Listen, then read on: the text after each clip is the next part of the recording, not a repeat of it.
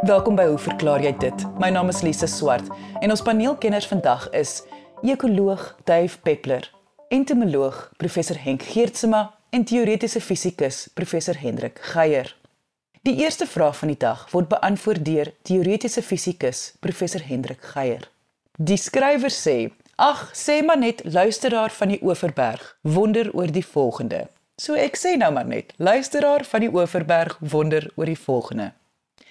Ek wil graag weet, hoekom is 'n reënboog 'n boog? Hoekom sien ons nie reguit lyne waar die son deur die waterdruppels skyn nie? Hoekom 'n boog? Professor Geier. Kom ek begin deur te sê 'n mens kan 'n kort antwoord hierop gee. Jy kan sê die kort antwoord is jy sien 'n boog omdat die waterdruppels wat verantwoordelik is vir die vorming van die reënboog wat jy sien perfek rond of sferies is. Uh, dis natuurlik nie op sigself 'n besonder insiggewende antwoord nie, maar dit is dit is die beginpunt van die storie. Maar voor ek met die met die storie verder gaan, uh, moet ek miskien net ietsie sê oor die oor die stelling dat reendruppels inderdaad rond en of sferies is. Uh, mens is gewoond daaraan om dikwels reendruppels voorgestel te sien as so 'n soort van 'n peervormige druppeltjie dit is hoe dit dikwels in kinderboeke voorgestel word as dit reën. En deesdae is daar so baie plekke waar mense jou weervoorspellings kan kry dat ek ek self nie eintlik meer te dikwels na die weerberigte op nuusprogramme kyk nie, maar ek herinner my in die jare toe as daar uh, na reën verwys is, het daar ook sulke traanagtige of peeragtige druppeltjies verskyn. So dit dit is 'n wanvoorstelling van 'n vallende druppel water enige druppeltjie water wat kleiner as 2 mm in deursnee is, uh, is vir alle praktiese doeleindes is perfek sferies. Vir groter druppels begin die feit dat dat so 'n druppel deur die lug val en aan lugweerstand onderworpe is effens van 'n effek hê en die druppeltjie is onder bietjie afgeplat en lyk hy meer soos 'n hamburgerbroodjie. Maar die die die traandruppeltjie is iets wat eintlik net vorm wanneer 'n druppel teen 'n oppervlak afloop waar oppervlakspanning 'n rol speel en wat as dit ware daai puntjie effentjies agterhou wanneer die druppeltjie besig is om onder te vloei. Nou moet ons begin verstaan hoe die boog-effek en die feit dat hierdie druppeltjies rond is by mekaar uitkom. Uh, maar voor ek daarby kom, moet ek miskien net so 'n klein regstelling maak na aanleiding van die manier waarop die vraag aan ons gestuur is, Lize. Ehm um, ek neem aan dat die persoon wat die vraag gestel het, hoekom mense nie reguit lyne sien waar die son deur die druppels skyn nie, is nie onder die indruk dat die son van 'n punt af deur die druppels skyn op pad na jou toe nie, want 'n reënboog sien 'n mens natuurlik net wanneer die son agter jou sit en jy in 'n rigting kyk waar daar reën of waterdruppels in die lug is. Dis dis belangrik vir die verdere gesprek om om hierdie konfigurasie mooi in berekening te bring. So jy sien 'n reënboog net wanneer die son agter jou sit en jy in 'n rigting kyk waar die son uiteindelik teen sferiese reendruppeltjies vaskyn. En dis miskien 'n goeie punt om ook by te voeg dat jy net 'n deel van 'n sirkel sien, met ander woorde net 'n boog en nie 'n volle sirkel nie, het daarmee te maak dat die horison jou onderbreek as jy hoog genoeg is bokant die aarde se oppervlak met die kondisie sodat 'n reënboog vorm sê maar in 'n vliegtuig en jy kyk met die son agter jou in 'n rigting waar in daar reëndruppels is, dan sien jy 'n perfekte sirkelvormige reënboog. So ons kan nou probeer om om twee goed gelyk te bespreek en te verstaan. Die een is die feit dat 'n reënboog uit verskillende kleure bestaan. Tipies sien mense natuurlik die boog met die rooi aan die bokant, blou of violet aan die onderkant en al die ander bekende kleure tussenin. So, om die storie te begin, gaan ek nou net eers oor een druppeltjie praat. En mense gaan hom nou voorstel deur na sy deursnit te kyk, so jy kyk nou na 'n sirkel. En wat jy jou voorstel is dat sonstrale parallel op hierdie enkele druppeltjie inval. En ons kan aanvaar dat hierdie sonstrale parallel is want vir alle praktiese doeleindes is die son oneindig ver so die sonstrale kom parallel hier by ons aan en hulle val ook parallel op so 'n druppeltjie in. En ons gaan nou eers kyk net na die een straal wat na hierdie enkele druppeltjie wat ons nou beskryf op pad is na sy middelpunt toe. So die straal tref natuurlik die rand van die druppeltjie loodreg, gaan reg deur tot by die middelpunt, tot aan die agterkant van die druppeltjie. Daar word dit teruggekaats en verlaat die druppeltjie weer langs die pad wat hy ingekom het. Maar dis baie spesiaal. As 'n mens nou 'n bietjie verder weg van hierdie sentrale sonstraal af langs die druppel se oppervlak beweeg, dan moet jy nou in aanmerking neem dat die druppel verteenwoordig nou 'n skeiingsvlak tussen lug en water en vir enige situasie waar 'n ligstraal van een medium na 'n ander een beweeg waarvan die twee brekingsindekse verskillend is, weet ons dat die pad van die ligstraal beïnvloed word en dit word op 'n baie spesifieke manier beïnvloed. Dit staan bekend as Snell se wet, eh, vernoem na 'n Hollandse fisikus, wiskundige eh, met die naam van Willebrord Snellius. In Engels het hy snel geword en die wetmatigheid sê vir jou as jy weet wat die brekingsindekse is vir die onderskeie mediums, presies hoeveel word die bewegingsrigting van die straal wanneer dit van een medium na die ander een gaan beïnvloed. En vir die rekord kan ons nou maar weer sê dat lug het 'n brekingsindeks van omtrent 1.00027, vir water is dit omtrent 1.33 en vir 'n tipiese glas is dit omtrent 1.5. Hoe ook al, as ons nou kyk na wat gebeur met ligstrale wat hierdie enkele druppeltjie tref verder weg van hierdie sentrale straal, tref dit natuurlik die die druppeltjie nie meer loodreg nie en die mate waartoe die invallende straal wat nou hierdie kom ons sê dan nou maar skuins deel van die druppel se rand tref uh, gebreek word word deur snel se wet vir ons voorgeskryf. As ons nou die pad van so 'n druppeltjie volg, kom hy by die oppervlak aan, hy word na die normaal, met ander woorde na binnekant toe gebuig, gaan reg deur die druppel tref die agterkant van die druppel.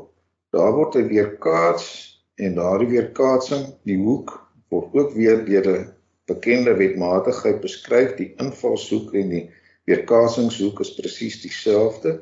Die ligstraal tref dan weer die druppel aan die binnekant en soos wat hy na buitekant uitbeweeg word hy weer keer gebuig of terwyl sy bewegingsrigting word beïnvloed. So is 'n drie-stap proses. Die, die straal kom in, die straal word gebuig aan die agterkant word dit weer kaats en as dit uitgaan word nog 'n slag gebuig. Nou kan 'n mens sistematies langs die druppel se oppervlak beweeg en wat jy agterkom is dat die mate waartoe die straal wat uit die druppeltjie uitkom beïnvloed word kan met 'n maksimum van 42 grade vir rooi lig afwyk, nie meer as dit nie. En wat verder belangrik is is dat by daardie hoek Met ander woorde, strale wat uitkom teen 42 grade relatief tot die in inkomende strale, die ligintensiteit by daai hoek is die maksimum intensiteit. So, ek het nou gesê rooi lig want die brekingsindeks vir lig hang so klein bietjie af van die kleur van die lig. En as 'n mens dieselfde stelling sou maak vir blou lig wat nou inval op die druppeltjie, dan kom jy agter dit kan tot hoogstens 40 grade van die oorspronklike invalsrigting afwyk. So wat is die situasie as ons nou kyk na na strale wat van die sentrale straal af verder langs die druppel se oppervlak druppel raak en en weer uiteindelik teruggekaats word. As ons na rooi kyk, dan kan dit vir alle hoeke tot en by 42 grade wees en by 42 grade is die intensiteit die maksimum. Vir blou kan dit alle hoeke wees tot en met 40 grade en by 40 grade is die is dit die maksimum.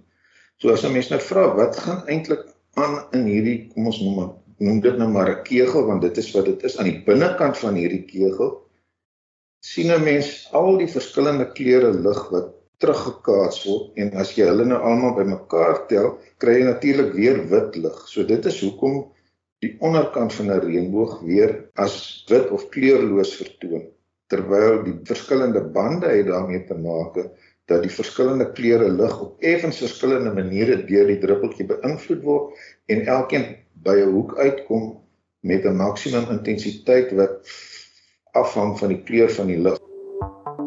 Jy luister na Hoe verklaar jy dit op RSG? Nou voor ek iets sê oor finaal sê oor hoekom sien 'n mens nou 'n boog en nie 'n ander geometriese patroon nie. Miskien net interessantheidshalwe benoem dat soos ek nou die storie beskryf het van die ligstraal wat by die druppel inkom, gebuig word, agter weerkaats word, weer die tussenvlak tref en gebuig word soos wat dit uitgaan. Elke keer wat die ligstraal in kom ons sê maar in aanraking met die druppel se rand kom, is die deurlaat en weerkaatsingsproses natuurlik nie volledig nie. 'n Klein bietjie lig word aan die begin teruggekaats en aan die agterkant van die druppel word 'n klein bietjie lig deurgelaat. So dit is nie 'n volledige proses van deurlating en refleksie nie. By elke kontakpunt is daar so 'n klein bietjie deurlating. So waar die straal finaal die druppel verlaat, is daar ook weer 'n slag interne weerkaatsing en so 'n straal kan dan 'n tweede keer na die agterkant van die druppel gaan en kom dan by 'n ander hoek uit. En as 'n mens nou die sommetjies gaan maak, dan sien jy dat die volgorde van die kleure soos wat hulle nou finaal na twee weerkaatsings binne in die druppel die druppel verlaat is omgekeerd. En as 'n mens nou gelukkig is en na en na 'n reënboog kyk, dan sien jy dikwels hierdie tweede of sogenaamde sekondêre reënboog waarvan die kleurvolgorde omgekeerd is met betrekking tot die bekende helder reënboog. So in daardie geval is die rooi dan onder en die blou bo. En verder is dit ook so dat vir die tweede reënboog dit wat ons net nou beskryf het as die resultaat van die verskillende kleure lig wat bymekaar kom om weer wit lig te gee. Nou is daar die wit gedeelte aan die bokant van die boog wat jou laat met 'n besonder donker band tussen hierdie twee reënboë. En dit staan bekend as Alexander van Aphrodisius se donker band, vernoem na 'n Griek. Hulle het destyds van 'n gehad wat gesê het waarvandaan hulle kom. Aphrodisius is waar hy daar blyklik woonagtig was en in omtrent die jaar 200 het hy al hierdie effek beskryf. Nou hy het natuurlik nie die gereedskap gehad om te verstaan of te verduidelik of te analiseer hoekom dit jy so is nie maar hy het dit baie pertinent waargeneem en beskryf dat hierdie band tussen die twee reënboë relatief tot die omliggende lig besonder donker voorkom. En dit was teoretiese fisikus professor Hendrik Geier. Hy is nog nie klaar met sy antwoord nie, so ons sal nou nou hoor hoekom 'n reënboog 'n boog is. Indien jy 'n vraag het, stuur jou e-pos na lise@rsg.co.za. Jy mag onder 'n skuilnaam skryf of vra om anoniem te bly. Dit is nou eers tyd vir ons wenk van die week van ekoloog Dave Peppler. Lise, ons wenk van die week in terme van ons koolstofvoetspoor. Nou, kom ons kyk na drankies. Ag, hemel, ons het al soveel keer daaroor gepraat, maar ek dink dit is 'n herbesoek uh, werd. Hierdie ding van gebottelde water, jy weet, om Vader se naam koop uh, vir jou 'n permanente bottel en vul dit met jou eie gefiltreerde as dit moet water. As dit kom by sportdrankies byvoorbeeld, die goed kos hemel en aarde. Jy kan dit self maak. Ek gaan gimnasium toe elke dag en ek neem dan my 1 liter fles saam, 'n mespunt van Engelse sout, 'n mespunt van van 'n bietjie bakpoeier koeksoda en dan gewone tafelsout en dan vul jy dit aan. Ek gebruik vrugtesap net om dit effens soet te maak. Jy bespaar 95% van die koste van jou drankie dan uh, die laaste of tweede laaste is dan jy weet as jy wil bier drink hoekom drink jy nie iets wat 'n butiek biermaker. Het deesdae het elke dorp byna 'n biermaker en jy haal onmiddellik die voetspoor van die vervoer van hierdie drankie weg en dan as jy wil as dit by wyn kom probeer 'n slag organiese wyn. Ek weet ons is effens weerstandig. Ja, dink jy dit is 'n uh, uh, soos die Engelse sê airy fairy. Dit is nie. Organiese wyne het 'n totaal ander neus en nasmaak um, en gewoonlik reflekteer dit die terroir baie akkuraat. So dink krities as jy omgaan met drankies want elke keer as jy 'n bottel water koop, het dit 'n impak op die omgewing. Ons gaan nou verder met teoretiese fisikus professor Hendrik Geier se verduideliking van 'n reënboog. Professor Geier? Nou is ons by die punt waar ons kan sê waarom 'n mens nou 'n boog sien. So sover het ons van een druppel gepraat en eintlik gevra uh, of gefokus daarop dat as ons nou na rooi lig alleen kyk, verstaan ons waarom lig wat by 'n hoek van 42 grade uitkom van hierdie enkele druppeltjie 'n uh, rooi vertoon. Dis waar die intensiteit die hoogste is. Maar die een straal wat nou op hierdie manier uitkom is natuurlik nie die enigste een wat deur hierdie druppel teen 42 grade teruggekaats word nie. As 'n mens nou weer na die hele sferiese druppel kyk en nie net na 'n sirkel nie, kan jy jou voorstel dat jy sê maar 'n 'n touwtjie as dit ware om hierdie sfeer span dat hy self weer 'n sirkel vorm dat hierdie touwtjie deur die punt gaan waar die 42 grade terugkaatsing plaasvind. So eintlik is dit nie net 'n enkele straal wat teruggekaats word nie, maar hulle sit almal weer op 'n kegel. Nou jy sien natuurlik nie al die strale van hierdie kegel nie. Jy sien eintlik net die een uh, wat direk na jou oog toe teruggekaats word. Maar nou kan jy vra waar sit al die ander druppels wat ook met hierdie 42 grade uh terugkaatsing geassosieer kan word. En die maklikste manier om dit nou vir jou voor te stel is om 'n driehoek te vat, 'n reghoekige driehoek waarvan die hoek naaste aan jou, want jy gaan nou hierdie driehoek plat op die aardoppervlak sit waarvan daai hoek 42 grade is. Nou kom sit ons hom plat op die aardoppervlak want ons neem aan die sonstrale kom vir alle praktiese doeleindes uh, parallel aan die aardoppervlak verby. En nou kan 'n mens sien as jy hierdie driehoek kantel dan in elke rigting waarin die skynsy wys, is dit 'n rigting waar 'n 42 grade weerkaaste rooi straal na jou toe sal aankom. En nou kan 'n mens sien as jy so 'n driehoek rondkantel om sy kant wat op die aardoppervlak is, dan stippel dit natuurlik vir jou uiteindelik 'n boog uit. So die die rooi deel van die reënboog sien jy as die resultaat van 42 grade terugkaatsings van verskillende druppels wat almal net mooi so geposisioneer is dat hulle vir jou uh, die rooi lig sigbaar maak. En natuurlik geld dieselfde vir al die ander kleure. So daar is 'n 'n nou samehang tussen die feit dat die druppels sferies of rond is en die vorming van die kleure en dan uiteindelik waarom jy 'n boog sien en nie een of ander ander 'n geometriese konfigurasie nie.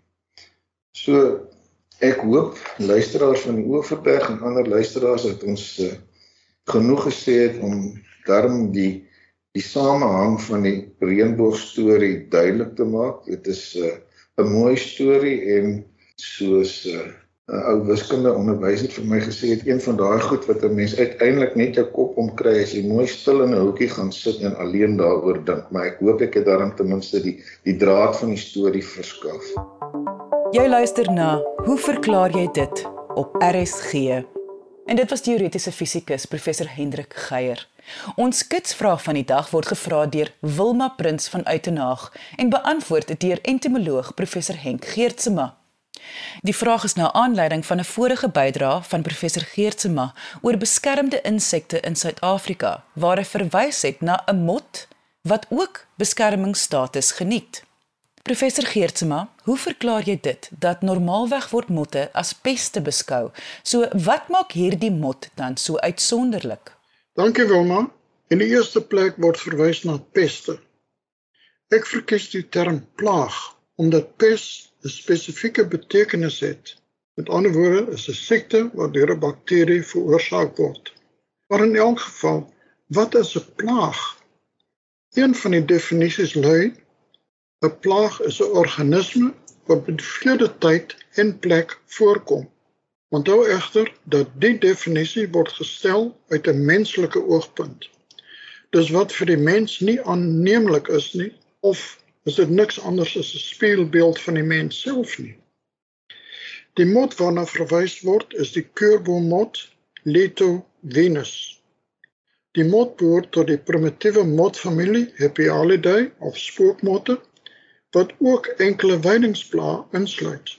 Die kuurboomot word deur 'n Wes-Kaapse provinsiale ordonnansie as 'n beskermde insek verklaar.